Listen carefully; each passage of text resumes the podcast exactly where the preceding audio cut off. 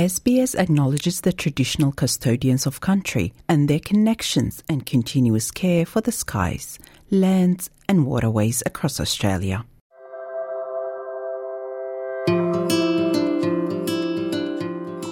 You're listening to Australia Explained, an SBS audio podcast helping you navigate life in Australia.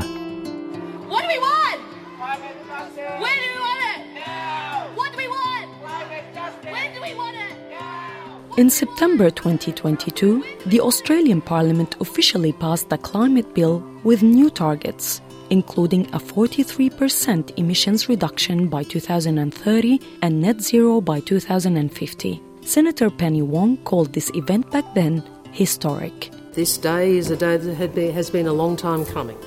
Uh, a day in which uh, historic legislation has been passed in response to one of the most urgent and pressing issues of our time climate change. According to researchers, the world is grappling with the effects of climate change, with long term shifts in global temperatures and weather patterns becoming increasingly evident. Human activities such as burning fossil fuels like coal, oil, and gas to power our modern world have been the main driver of climate change. Now, the science is clear that globally we've got to roughly halve those greenhouse gas emissions this decade and get to net zero emissions as soon as possible.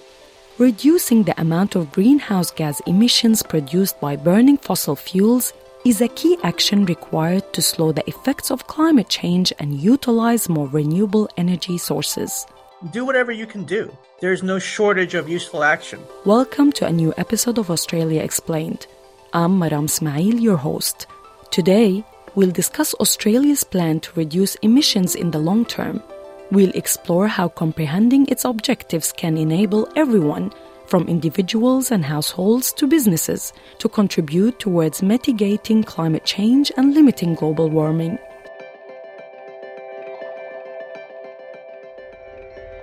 Do you know that burning fossil fuels releases large amounts of carbon dioxide and other greenhouse gases into the atmosphere? This results in warming global temperatures because the buildup of greenhouse gases in the Earth's atmosphere traps more heat from the sun. Climate change means more than just warming temperatures. The Earth is a complex system, and the consequences of climate change also include increased severity of droughts, fires, floods, and storms. Warming sea temperatures, rising sea levels, melting of the polar ice caps, and impacts on biodiversity are all parts of climate change, which can potentially threaten our existence. Reducing the impact of climate change involves reducing the amount of greenhouse gas emissions and switching from the use of fossil fuels to renewable energy sources like wind, solar, and wave energy. Australia has implemented a long term greenhouse gas emissions reduction plan to limit global warming. Dr. Simon Bradshaw, who researches climate change as research director at the Climate Council, explains the challenges. Australia, like most countries, has committed to achieving net zero emissions by 2050. Now, that's a lot of change. That means repowering the way we are powering our homes and our industries, so changing the way we produce electricity, getting much more energy from the sun and the wind into our electricity system, and very quickly moving beyond fossil fuels entirely. And if 2050 sounds like a long time away, Dr. Bradshaw says the time frame for action to reduce emissions is urgent. Now, the science is clear that globally we've got to roughly halve those greenhouse gas emissions this decade and get to net zero emissions as soon as possible. So we've got to deal with that urgently if we're to have a safe and prosperous future. And that means getting our greenhouse gas emissions down as fast as we can, which begins with leaving our fossil fuels in the ground. The Australian government introduced the Climate Change Bill in 2022, which outlines Australia's greenhouse gas emissions reduction targets. Aaron Tang, who works on climate policy as a research affiliate with the Centre for the Study of Existential Risk at the University of Cambridge and is a finishing PhD and lecturer at the Australian National University, explains this.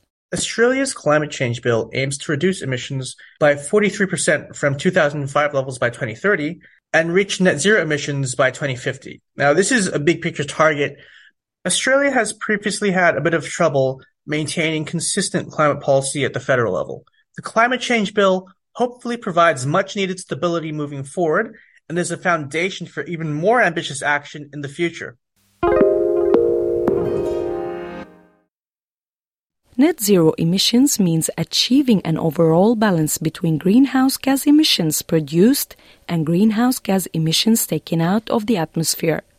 Dr. Tang says investment in renewable energies is required to reach net zero emissions. We get half of our energy from burning coal. Investing in other ways to produce energy in Australia will not only reduce our own emissions and lower energy prices, but also create economic opportunities across the Asia Pacific. We can be world leaders in renewable energy industries. Dr. Bradshaw agrees that Australia is ideally placed to lead in using renewable energy.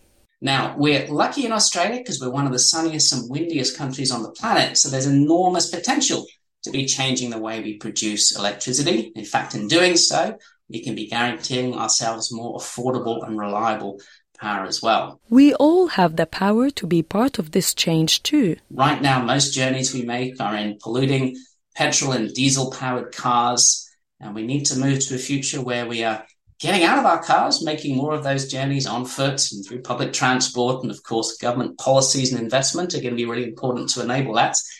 But also, if we do still need to be using cars, then we're making those journeys in electric vehicles, which are becoming more and more affordable. In addition to how we transport ourselves, there are other actions we can all do at home. One of the uh, best things we can do is if we currently are using gas for our cooking and heating, getting off gas and onto electrical appliances. Of course, we'll be reducing our contribution to emissions because gas is a polluting fossil fuel.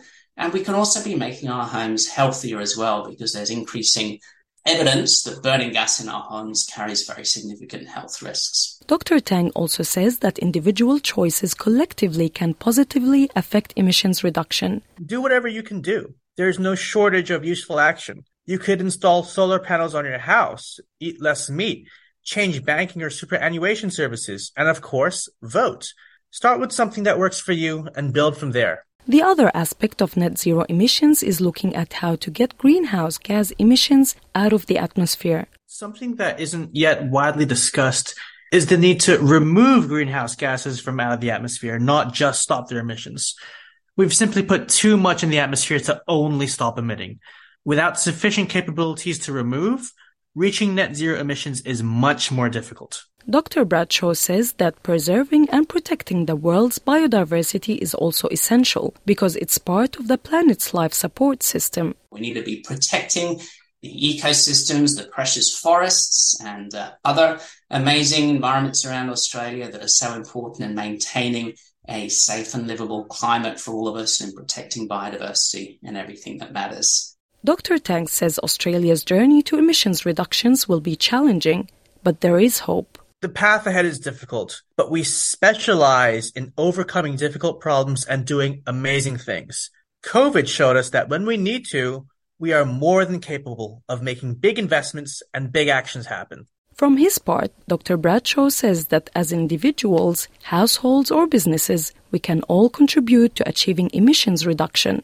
It can be a very frightening time when we look at the impact of climate change unfolding, but it's also an exciting time because in this moment we have to reimagine the future and we can build a better future through smart action on climate change. Every decision matters. We together are creating a better future for young people alive today in Australia, around the world, and of course, future generations as well. Thank you for listening to this episode of Australia Explained, written and produced by Phil Tutsak hosted by me, Maram Smail.